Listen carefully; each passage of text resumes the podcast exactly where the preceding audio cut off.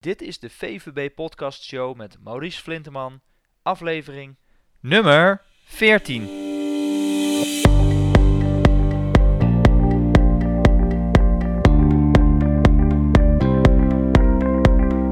Welkom bij de VVB Podcast Show, waarin je luistert naar experts die je voorzien van de beste informatie, tips en tricks om het rendement op je vermogen te optimaliseren. Vandaag gaan we in gesprek met financieel planner Robert van Beek, die de nodige opleiding heeft behaald, zoals CFP, CFA en een FFP-opleiding. Hij helpt vanuit zijn credo It's All About Life and Finance mensen, professionals en consumenten graag op weg bij het verkrijgen van een financieel inzicht en overzicht in woord en beeld. En natuurlijk ook met cijfers. Maar alles teruggebracht tot de begrijpelijke essentie op één of een paar A4'tjes. Veel mensen zijn nu eenmaal visueel ingesteld en lezen niet graag meer dikke complexe rapporten vol standaard teksten en disclaimers. Daarom gaan we vandaag in gesprek over een heel interessant onderwerp en doet Robert aan het eind van de podcast jou een speciale aanbieding. Ik wens je heel veel luisterplezier. Vandaag uh, zitten we in de podcast met uh, Robert van Beek. Welkom Robert. Welkom Maurice, goedemorgen. Leuk dat je er, uh, erbij bent en de moeite neemt om uh, met ons uh, nou ja, wat, wat informatie te delen over het onderwerp waar we het vandaag over gaan hebben. Namelijk vier redenen waarom jouw beleggingsstatuut een hoop teleurstelling en miscommunicatie gaat voorkomen. En met beleggingsstatuut ehm, doel jij dan met name op het beleggingsplan, hè? Ja, ja het is maar inderdaad ja, hoe je het beestje een naam geeft. Maar... Ja, precies. En dat is op zich uh, is het best wel uh, interessant om te zien, want heel veel uh, ja, mensen die voor een nieuwe auto struinen ze stad en land af om een zo goed mogelijk afweging te maken wat, ze, wat het beste bij hen past, voordat ze overgaan tot het kopen van bijvoorbeeld een auto. Ja, de auto die gaat je natuurlijk immers de, de komende jaren heel veel comfort en veiligheid op de weg bieden. Alleen uh, met beleggen stappen we maar al te vaak in een spreekwoordelijke taxi. En uh, zeggen we tegen de taxichauffeur, nou ja, ga maar rijden. Geen idee waar we naartoe rijden. En wat we onderweg gaan toekomen, uh, tegenkomen en hoe lang de rit überhaupt gaat duren. dit terwijl het beleggen waarschijnlijk een, een veel grotere impact gaat hebben op je leven dan het kopen van die nieuwe auto. Toch zien we in de praktijk, Robert, dat maar weinig beleggers zich echt goed voorbereiden. Dat is ook volgens mij iets wat wat jij kan onderschrijven.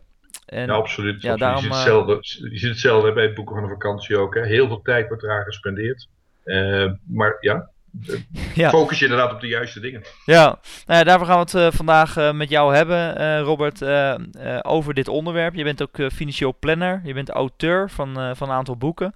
En je spreekt op meerdere events over de toegevoegde waarde van een beleggingsplan slash beleggingsstatuut, zoals jij het noemt. Uh, ja, om daarin dus een hoop teleurstelling en miscommunicatie uh, te voorkomen. Kun jij in eerste instantie, Robert, wat meer uitleggen wat jij onder een beleggingsstatuut uh, verstaat als een financieel planner? Ja, absoluut. absoluut. Ik, een beleggingsstatuut is eigenlijk, als je het kort zou moeten samenvatten, schrijf nu voor jezelf gewoon eens op wat, wat je eigenlijk wil, wat er met je geld gaat gebeuren. En dat begint gewoon met je doelstellingen. Dus als we het inderdaad hebben over jouw taxichauffeur of mijn, mijn vakantieboeken, je moet natuurlijk je eindbestemming weten. Je moet eigenlijk weten, en dan is die eindbestemming ja, eigenlijk een ander woord voor je doelstelling. Eh, als je niet weet waar je naar wilt vertrekken, welke bestemming je eigenlijk voor ogen hebt, ja, dan heeft ook geen zin om al een ticket voor een vliegtuig, een boot, een trein of een autobus of een, of een auto te kiezen. Um, dus zie dat voor je belegging ook op die manier. Veel mensen, financiële instellingen, zijn de hele dag bezig met, uh, met juist het instrument selecteren en daar die focus op te hebben. Dus moet het nou inderdaad die bus of, die, uh, of, die, of dat vliegtuig zijn. Um, je ziet ook dat er, een beetje als gevolg van wet en regelgeving, steeds meer een focus ligt op wat er allemaal niet mag en niet kan. Waarom kunnen we het proces dus niet proberen om te draaien? Dat is eigenlijk, denk ik, de belangrijkste les wat je met een, uh, een beleggingsplan of met een beleggingsstatuut wilt, wilt bereiken. Ja, dus iets wat je vooraf eigenlijk gaat, gaat opstellen. En waar je eigenlijk heel goed uiteen gaat zetten van nou, waar ga ik naartoe? Uh, in dit geval zal het met name natuurlijk zijn uh, met betrekking tot je uh, vermogen. Ja. Met betrekking tot je beleggingen. jij ondersteunt in de praktijk regelmatig financiële trajecten. Hè, waar je een klanten zeg maar van A naar B begeleidt. Ehm, kun je vier redenen geven waarom een financieel, wat, uh, financieel plan wat jou betreft toegevoegde waarde biedt voordat je gaat starten met beleggen? Of voor, voordat je überhaupt gaat beleggen, ja. Ja, absoluut, absoluut. Ik denk eventjes nog even terugpakkend ook, ook, ook van wat wil je eigenlijk mee bereiken? Wat is eigenlijk de doelstelling van zo'n beleggingsplan? Je wil eigenlijk concrete afspraken maken. Je wil eigenlijk miscommunicatie voorkomen, teleurstellingen. Ja? En, en we komen er later nog op terug, denk ik, eh, een stukje richting emoties. Um, als we eventjes terugpakken inderdaad op vier, eh, vier, eh, vier redenen. Een financieel plan. je hebt er al eens een keer eerder, denk ik, ook in de podcast over gesproken, maar geeft mensen eigenlijk inzicht en overzicht. En als je nu weet dat er een aantal zaken in je financieel plan goed geregeld zijn, dan is dat beleggingsplan niets anders dan een, een vertaalslag van de belangrijkste dingen uit je plan, een samenvatting om, om een goede beleggingsportefeuille op te bouwen. En dus vanuit die, um, vanuit dat framework naar je beleggingen te kijken. Als je dan dus ten tweede ook je portefeuilleperiode toetst naar juist je uitgangspunten in je plan, dan weet je ook of je goed bezig bent, of je goed op weg bent. Vaak wordt dat eh, technisch als de, de monitoring genoemd. eens een plan gemaakt, in ieder geval iets waar je op terug kunt, kunt pakken. En daarmee wordt dan ook dat plan een soort van beleggingsstrategie. Je kunt er ook op terugvallen wanneer de emoties de overhand nemen. Um, emoties, ja, staan haaks op je, op je ratio. Als de hele wereld roept dat het niet goed gaat, dan is de, de verleiding heel erg groot om, uh, om mee te denken in, dat, uh, in datzelfde idee van het gaat niet goed. Maar als je dan gewoon eens eventjes terugkijkt naar beleggen en, en waar je het eigenlijk voor deed, dan is het misschien wel zo dat het helemaal niet zo dramatisch is. Um, dan ga je eigenlijk je plan ook, je het vierde punt te pakken. Um, ga je dus met verschillende scenario's ga dat eigenlijk inzichtelijk maken. Dat doe je dus op het moment dat je je plan gemaakt hebt, maar ook nogmaals tijdens de rit. Ja, en dat is natuurlijk het lastige, hè? want als je een financieel plan maakt, dan zie je vaak dat er inderdaad een aantal scenario's uitkomen. En je weet bijna één ding zeker, de scenario's die je schetst, zo zal het niet precies gaan verlopen want uh, na een jaar ziet de situatie uh, er van veel klanten toch net even iets anders uit uh, in een financiële situatie met betrekking tot hun beleggingen. Dus ja, het is, voor klanten is het vaak ook lastig om te begrijpen wat dan de toegevoegde waarde is. Hè? Want je schetst allemaal scenario's en na, na dat jaar ja, gaat het toch net even anders eruit zien. heb jij die ervaring ook in de praktijk? Dat komt inderdaad wel voor, maar daarom is het ook belangrijk dat je eigenlijk iets, iets nodig hebt van een stukje houvast. Want we kunnen inderdaad zeggen, als je niets doet, ja goed, dan zijn we inderdaad overgeleverd aan wat de dag van vandaag gaat, gaat betekenen. En een klein beetje vooruitkijken en misschien zelfs al die scenario's op voorhand doorrekenen, geeft je het gevoel van, hé, hey, dit zou dus mogelijkerwijs kunnen gebeuren. En als het dan gebeurt, ja, helpt het in ieder geval misschien toch een aantal mensen wat, uh, wat beter om het te plaats te geven. En gaat men toch niet in die, in die emotionele ehm, ja, denktrend mee. Ja, dus daar, dat, uh, dat is eigenlijk de hoofdmodus. Dat je dat dus gaat voorkomen. Dat je dus zelf heel goed weet inderdaad waar die taxirit dus, uh, dus heen gaat. En de, de eindbestemming. En hoe je hem gaat, uh, gaat bereiken is natuurlijk het allerbelangrijkste. als je het dan hebt over beleggingsplan. Nou, jij noemt het zoals eerder genoemd het beleggingsstatuut. Kun jij schetsen hoe de, ja, de, zeg maar de structuur van een ideaal beleggingsstatuut voor de belegger ongeveer uitziet? Ja, ik, ik zal misschien even teruggaan, want het is eigenlijk geen, geen rocket science en ik heb het zelf ook niet verzonnen. Uh, maar hoe ben ik eigenlijk met een beleggingsstatuut in, in aanraking gekomen? Um, al, al vele jaren gebruiken voornamelijk institutionele beleggers, zoals bijvoorbeeld Stichting voor Goede Doelen of pensioenfondsen, um, gebruiken zo'n statuut. En ik was in, in Anaheim in 2009. Uh, Anaheim ligt in de buurt van Los Angeles. En toen uh, was op een, op een financieel plannerscongres en toen zag ik dus dat men dit instrument, ze noemen dat daar de Investment Policy Statement, dat ze dat ook toepasten eigenlijk in hun adviespraktijk naar consumenten toe. Um, rode draad is gewoon, we moeten dus denken meer vanuit zo'n globaal plaatje. Dat, dat is eigenlijk wat een, een, een, een beleggingsstatuut of een beleggingsplan, hoe dat eruit ziet. En dat gaat dus net iets verder dan wat je nu vaak in, uh, in, in bijvoorbeeld beleggingsovereenkomsten ziet. Dus probeer gewoon zoveel mogelijk, zo concreet mogelijk neer te schrijven van alles wat jij wil, belegger, wat er gebeurt met jouw geld. Um, als we even terugpakken op jouw verhaal rond uh, bijvoorbeeld de, auto en de, de taxirit. Als je inderdaad een auto koopt, dan, dan ga je op een heleboel details letten. Um, alle opties, hè, dus je hebt het over kleuren, over motorinhoud. Maar dan gaat het pas beginnen. Wil je getinte glazen, wil je een GPS, wil je stoelverwarming, noem het maar op. We doen dat bij een auto wel. En bij onze beleggingen gaan we dat eigenlijk ja, steeds maar tot een bepaald niveau. En, en gaan we niet ver in detail. Um, wat moet je dus inderdaad doen? Als je nu eens voor jezelf op een, en dat kan zelfs op een 1 A4'tje zijn, maar voor jezelf een aantal belangrijke criteria benoemt. Ehm, misschien een ander voorbeeldje wat er vandaag de dag veel rond te doen is. Ehm, er is een heleboel rondom sustainable beleggen. SRI en ISG, uh, de sustainable criteria. We zijn dus blijkbaar in staat om voor bepaalde beleggingen, willen we een, toch een iets verder, vanuit een, een maatschappelijk uh, denken, willen we eigenlijk een aantal criteria benoemen. Ja, ik ga je nog een ander voorbeeld geven, een heel Amerikaans voorbeeld, maar dat eventjes om aan te geven hoe ver je kunt, kunt gaan. Ik sprak er ook uh, tijdens het congres met een Amerikaanse planner. En die gaf bijvoorbeeld aan dat in het statuut van zijn klant uh, werd opgenomen dat er geen beleggingen mochten zijn met een linkje naar Japan. Zijn grootvader was als militair omgekomen op, uh, op Pearl Harbor. Dus ik zeg niet dat we hier wellicht zover moeten gaan, maar ergens daartussen um, ja, zul je toch met elkaar, als je dus ook een, een, adviseur in de hand neemt, zul je misschien toch eens wat meer in detail moeten gaan beschrijven. Wat verwacht ik nu eigenlijk? Wat verwacht ik van die belegging? En wat verwachten we van, van elkaar? Um, ik heb best wel wat, wat ondernemers ook, uh, ook begeleid, Maurice. En dan zie je dus ook dat een succesvol ondernemer wist bij wijze van spreken um, in, in de tijd wat, wat de prijs van een rolletje toiletpapier was. Maar belangrijker nog, hij wist precies hoe dat hij een bepaalde machine zag om zijn product te produceren. Hij wist ook precies hoe zijn dienst of, zijn product eruit zag. Nu, na de verkoop van die onderneming komt die onderneming terug op de tafel, geeft dus inderdaad uh, de pot met geld. En eigenlijk lijkt het erop dat, dat hij op dat moment zich niet meer wil verdiepen in, uh, in het opzetten van zijn beleggingsportefeuille. Hij vindt het lastig, hij vindt het moeilijk, het wordt hem misschien wel te moeilijk gemaakt.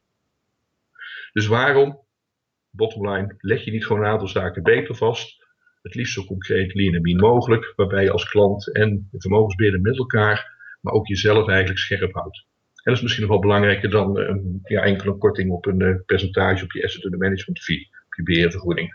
Maar goed, dat hoef ik jullie als uh, VUVB niet uit te leggen natuurlijk. Ja, ik, ik, ik, dat klopt absoluut. En wat je zegt is wel grappig eigenlijk. Want inderdaad, als je kijkt naar goede ondernemers. Nou ja, er is denk ik weinig. Er zijn weinig ondernemers die zonder een concreet plan of doelstelling uh, te werk gaan en hun komende 5 à 10 jaar uitstippelen waar ze naartoe willen. En het vervolgens natuurlijk visualiseren heeft natuurlijk, nou ja, is al redelijk vaak bewezen dat het natuurlijk een hele goede onderbouwing of ondersteuning geeft in het bereiken van uiteindelijk je doelstelling. En dat is wat jou betreft dus uiteindelijk ook zo met, met je beleggingsdoelstelling, als ik het goed begrijp. Ja, absoluut, absoluut. Als we dan die doelstelling hebben, is de volgende stap van nou goed, hoe gaan we dan, dan toch een aantal dingen, en dat zijn ook technische dingen, vastleggen. Um, je kunt met behulp van risicofactoren, met behulp van dus vergelijkingsmaatstaven, benchmarks, kun je een heleboel dingen natuurlijk toch gewoon gaan, gaan vergelijken. En nogmaals, met als doel je wil met z'n tweeën, adviseur en klant, wil je gewoon, uh, gewoon ja, met elkaar, een, ga je toch een langjarige verbindenis aan. Dus wil je ook gewoon weten, wat zijn nu de dingen die, die we dus eigenlijk voor ogen houden? Waarom doen we het? Die grote rondvraag die er boven komt. Ja, dus je formuleert eigenlijk heel goed de afspraken van tevoren en uh, dan pas ga je aan de slag. Ja, ja, en dat kan ook gewoon in een aantal andere dingen gewoon die, die goed zijn. Hè? Als we praten over communicatie. Um, ja, wat voor een rapport wil je überhaupt ontvangen? Welke informatie wil je wanneer ontvangen? Wil je dat bespreken met je adviseur? Wil je dat gewoon op papier, via de mail? Door daar eerst zelf op na te denken. En dat als een soort van, dit zijn criteria wat ik belangrijk vind in, de, in heel de uh, advisering. Ja, kun je daarnaast dan gewoon uh, een, uh, een lijstje, dus, of heb je eigenlijk een lijstje waarbij je dus ook gewoon de mogelijke opties kunt, kunt afwegen. En uiteindelijk de keuze kunt maken welke be beheerder of beleggingsadviseur het beste bij jou past. Ja, en dat is een, een heel belangrijk proces. En ik denk inderdaad dat je dit veel beter vooraf kunt doen. Want ik zie ook wel eens belegger die, beleggers die dit achteraf gaan doen. Dat uh, brengt natuurlijk een hoop frustratie met zich mee. Omdat je achteraf eigenlijk niet helemaal tevreden bent uh, over hetgeen wat gepresteerd is. Dat komt ook vaak omdat het dus niet duidelijk op papier staat wat men van elkaar verwacht. Ja, en dan kom je er eigenlijk na een aantal jaren achter, dit gaat niet zoals het moet. het kost heel veel geld. Het levert eigenlijk geen rendement op. Kortom, ja, je belegt niet succesvol. Ehm, als je dan kijkt uh, naar die uh, ja, succesvolle belegger, ehm, hoe groot is de kans dat je een succesvolle belegger wordt zonder dat je een financieel plan hebt opgesteld? Ja, dan wil ik toch een beetje terugpakken op die emoties, Maurice. Um, er zijn gewoon verschillende onderzoeken al geweest. En het blijkt ook gewoon, men noemt dat ook dan eigenlijk de behavior gap, dat er dus daadwerkelijk een rendementsverschil is. Wanneer je dus ehm, je toch laat vangen door, door die emoties. Uh, je maakt de verkeerde beslissingen op het verkeerde moment. Je reageert eigenlijk dus uh, op basis van die emotie. En als je dus een plan hebt of een adviseur die je er even van, uh, van kan weerhouden die, die foute beslissing te nemen. Dus je eigenlijk op het rechte pad terughoudt. Ja, dan zit daar tussen de 1,5 en de 2,5 procent gewoon verschillen. Gewoon omdat op de verkeerde momenten er verkeerd en te veel gehandeld wordt. En dat probeer je dus te voorkomen met uh, nogmaals die emoties een klein beetje te kaderen door dat plan. En met die 1,5 à 2,5 procent, daar bedoel je dus het, het, rendementsverschil mee, hè? Ja, absoluut. absoluut. Ja. Dus door gewoon jezelf niet in die emoties te laten vangen, zul je zien dat je, je tussen de 1,5 en 2,5 procent meer rendement maakt. En die behavior gap, kun je dat iets beter toelichten? Ik kan me voorstellen dat sommige mensen en sommige luisteraars dat niet helemaal gelijk een lichtje gaat branden. Wat je daarmee bedoelt? nee, absoluut. Um, ik kan je dat misschien het beste voorbeeld uh, geven tot um, met, met, een sterke beursbeweging. Je weet, beleggen, uh, inherent aan beleggen is dat de beurs op en neer gaat. Dus um, emotioneel gezien, op het moment dat een beurs uh, eigenlijk aan het, aan het dalen is, dan word je onrustig, word je emotioneel van. En op een gegeven moment ga je dan toch die, die belegging verkopen. In de praktijk blijkt gewoon dat dat vaak op het laagste punt gebeurt. Je gaat weer wachten, de beurzen trekken weer aan, want uh, na, goede, na slechte tijden komen ook de goede tijden. En wanneer gaat de belegger weer terug instappen in de markt? Op het moment dat de markt eigenlijk dus voor hersteld is en dat we dus weer een stuk hoger staan dan waar we uitgestapt zijn.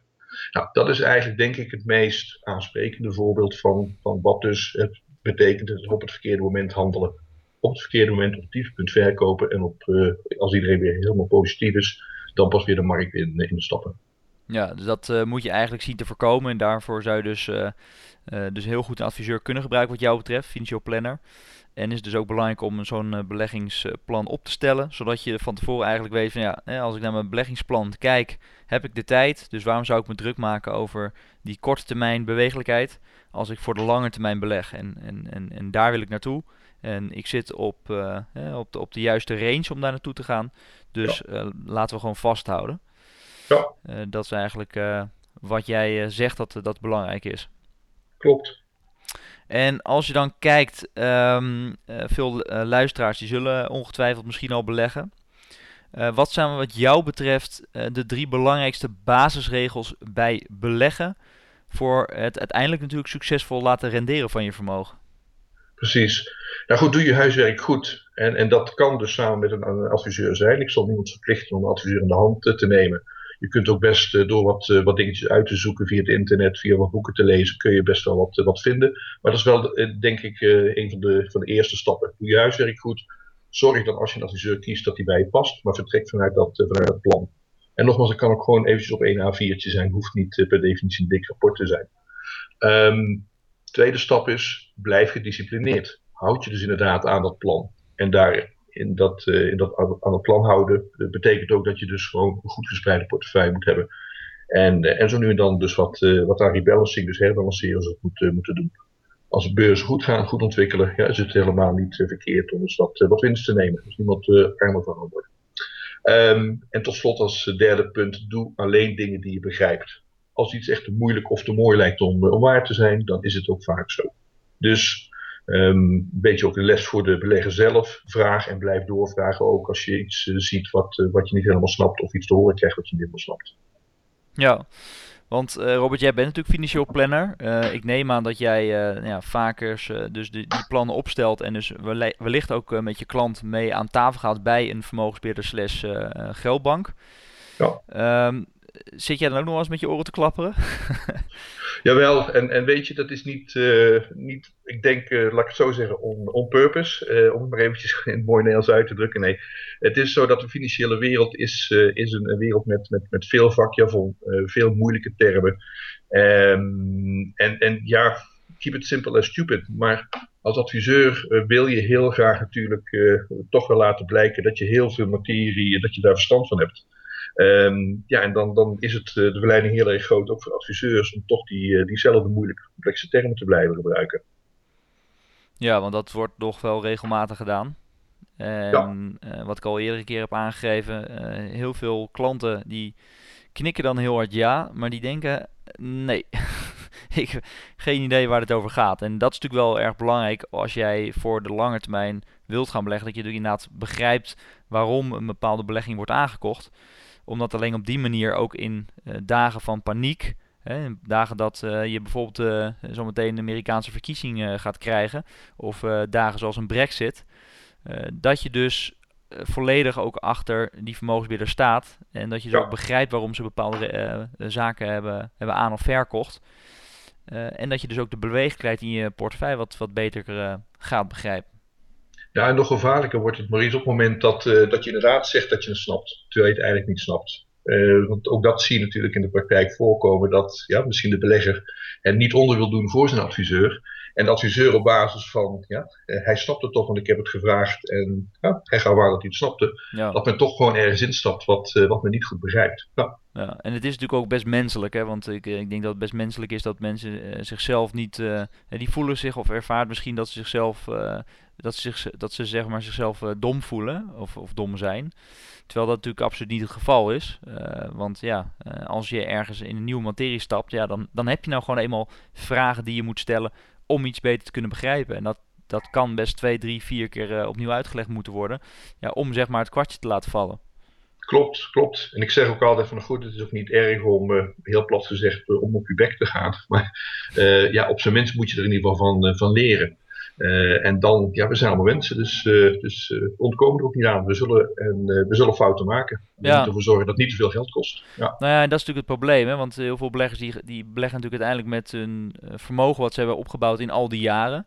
Ja, en daar wil je natuurlijk niet al te veel, uh, uh, niet al te vaak mee op je bek gaan, zoals je het zo mooi noemt. Ja. Omdat dit anders natuurlijk ontzettend veel geld kan kosten. En ook uh, ervoor kan zorgen dat je natuurlijk uiteindelijk met je doelstelling van bijvoorbeeld de komende 20 jaar jezelf van pensioen voorzien, dat die in, in de knel komt. Ja, klopt. Dus... Ja, en veel mensen, er zal nog heel veel gaan gebeuren, maar juist ook op, dat, uh, op het gebied van, van pensioen. Um, waarbij we er toch volgens mij rekening moeten houden dat, dat je veel meer zelf verantwoordelijk zult gaan worden voor, voor je eigen vermogensopbouw. dus, dus ja, laten we nou proberen zo min mogelijk fouten te maken. Ja. Ja, dat is de baas van beleggen, dus, dus absoluut weer, weer belangrijk. En um, Robert, want als je daarnaar kijkt, je geeft net zelf aan van nou, uh, ja, jij bent zelf waarschijnlijk ook wel eens op je bek gegaan daarmee. om, om, maar in die term te blijven. Als je kijkt naar um, belangrijkste levensles, want dat is altijd hetgeen wat wij ook wel belangrijk vinden. Hè? Jij loopt al een hele tijd mee in die wereld. als je kijkt naar jouw belangrijkste levensles, wat heb jij nou geleerd tijdens jouw werkzame leven? Die jou, uh, ja, uh, jouw leven destijds volledig op zijn kop heeft gezet.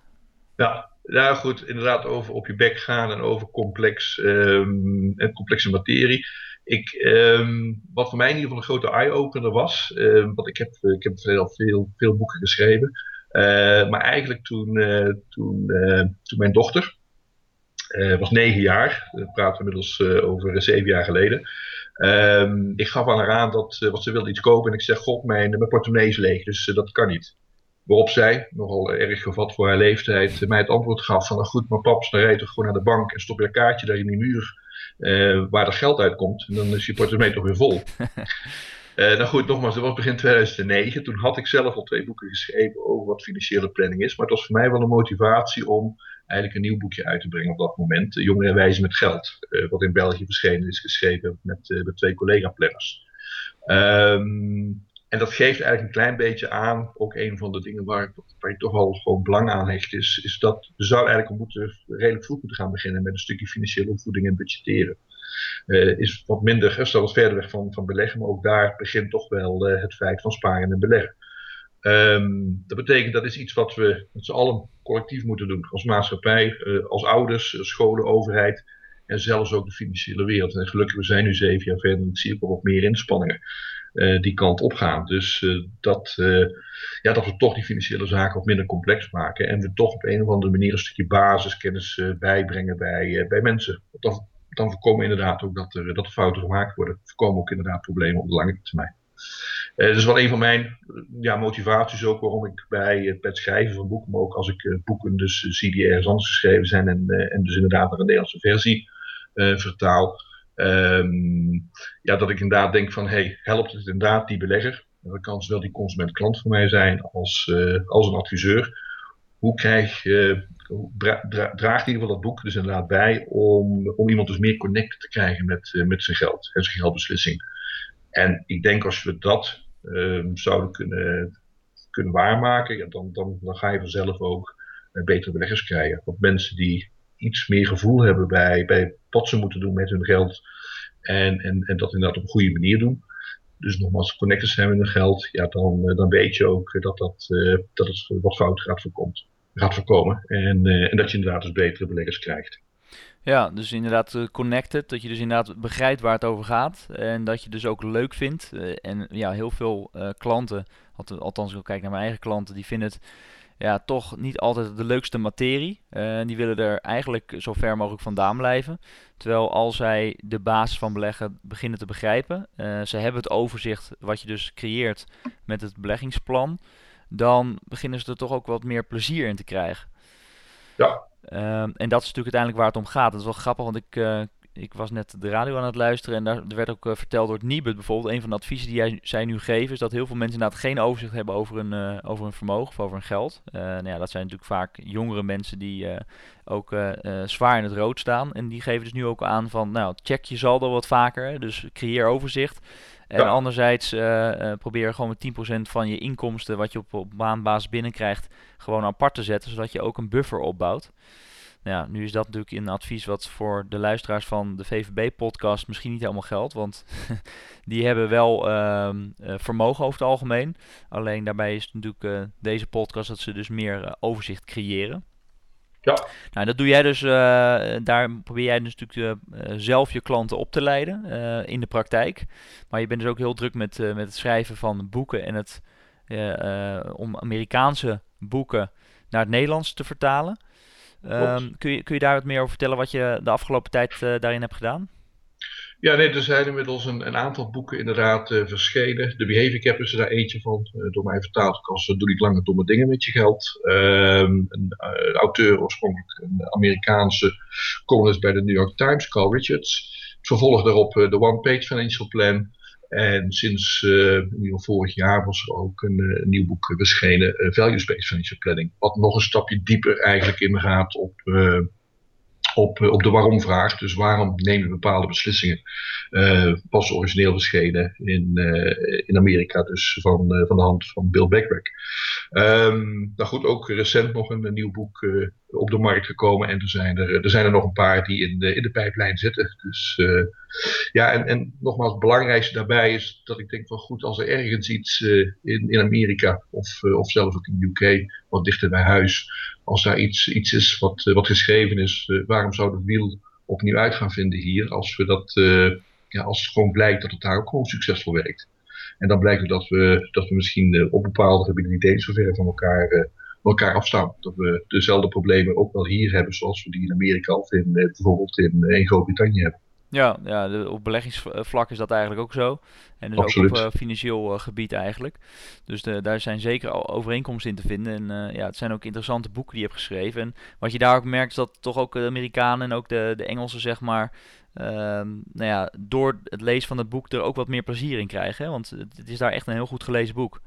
Ja, absoluut, absoluut. En weet je, we zullen nooit met z'n allen financieel planners worden. Die financieel planners vinden het inderdaad leuk om op zondag nog eens een keer door alle bonnetjes heen te lopen. Ja. Uh, maar goed, ook dat is niet, uh, niet nodig. Uh, het is wat ontastbaarder geworden, dat geld. Dus van het moment dat we toch gewoon een klein beetje de, de juiste stapjes doen, en dat hoeft niet veel inspanning te kosten, maar zo nu en dan eventjes een check doet, zo nu en dan heel eventjes erbij stilstaat, dan voorkom je in ieder geval dat je op enig moment een groot probleem krijgt, omdat uh, ja, alles op de automatische piloot liep. En zolang het goed gaat, ja, gaat het goed. En ineens heb je wat tegenslag en uh, ja, weet je inderdaad niet, uh, niet hoe nu verder. En dat, dat voorkom je inderdaad door, uh, door zoveel mogelijk toch een beetje het overzicht te houden en dat inzicht te hebben. Ja. ja, en als we dan in het kader van het overzicht hebben, um, waarin we eigenlijk ook nou ja, dus bezig zijn met opleiden van uh, particuliere beleggers, uh, ondernemers die hun geld uh, naast de zeilen hebben staan en daar toch wat rendement op willen maken tijdens deze lage spaarrentes. In het kader van opleiding had jij een heel mooi idee voor de luisteraars. Nou goed, uh, sowieso zijn de boeken uh, goed gelezen. En, en wat dat betreft uh, ja, wil ik in ieder geval ook alle, alle luisteraars van, van jullie podcast een, een plezier doen met, als ze dus een boek, als ze interesse hebben in een van de boeken, om, om in ieder geval dat, dat aan mij kenbaar te maken. En dan krijgen ze ook een, een mooie korting.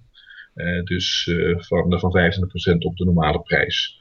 Dus, dus ja, dat, uh, dat was inderdaad een van de ideeën die, uh, die we eventjes besproken hadden, Maurice. Ja, en als we dan een kortingscode uh, aangeven, dan moet dat... we zijn de VVB-podcast, hè? Dat als ze dat aangeven, ja. dan weet jij waar ze vandaan komen. dan zal ik inderdaad een link op mijn website zetten, zodat ja, mensen, als ze geïnteresseerd zijn in dat boek, of in een van jouw boeken, dat ze dan nou ja, direct naar jou doorlinken en dus ook de, de bestelling kunnen plaatsen. Perfect, super. Heel leuk, uh, Robert. Nou, hartstikke bedankt uh, voor alle informatie. Het was weer uh, zeker heel waardevol, denk ik, voor veel beleggers. En ik hoop jou absoluut op een later moment weer een keer terug te, te, te, mogen ontvangen in de podcast. Helemaal goed, Maurice. was leuk om te doen. Dankjewel. Oké. Okay. Fijne dag Tot ziens. Hi. Bedankt weer voor het luisteren naar onze podcast met financial planner Robert van Beek. En als je geïnteresseerd bent in een van zijn boeken, um, ga dan naar onze website naar vuvb.nl slash 14. Ik herhaal vuvb.nl slash 14. Daar kun je met een kortingscode VVB podcast kun jij een van zijn boeken bestellen. Absoluut een, een aanrader om meer inzicht te krijgen in jouw financiële situatie. Heb je nou overige vragen over jouw beleggingsportefeuille of over hoe jij op een goede manier jouw financiële situatie in kaart kan brengen? Ga dan naar onze website vuvb.nl/slash beleggen. Ik herhaal vuvb.nl/slash beleggen. En wij, uh, of laat daar in ieder geval je contactgegevens achter. En wij nemen zo spoedig mogelijk contact met je op om dit in kaart te brengen en om je daarbij te helpen. Ik bedank je weer voor het luisteren en tot de volgende podcast.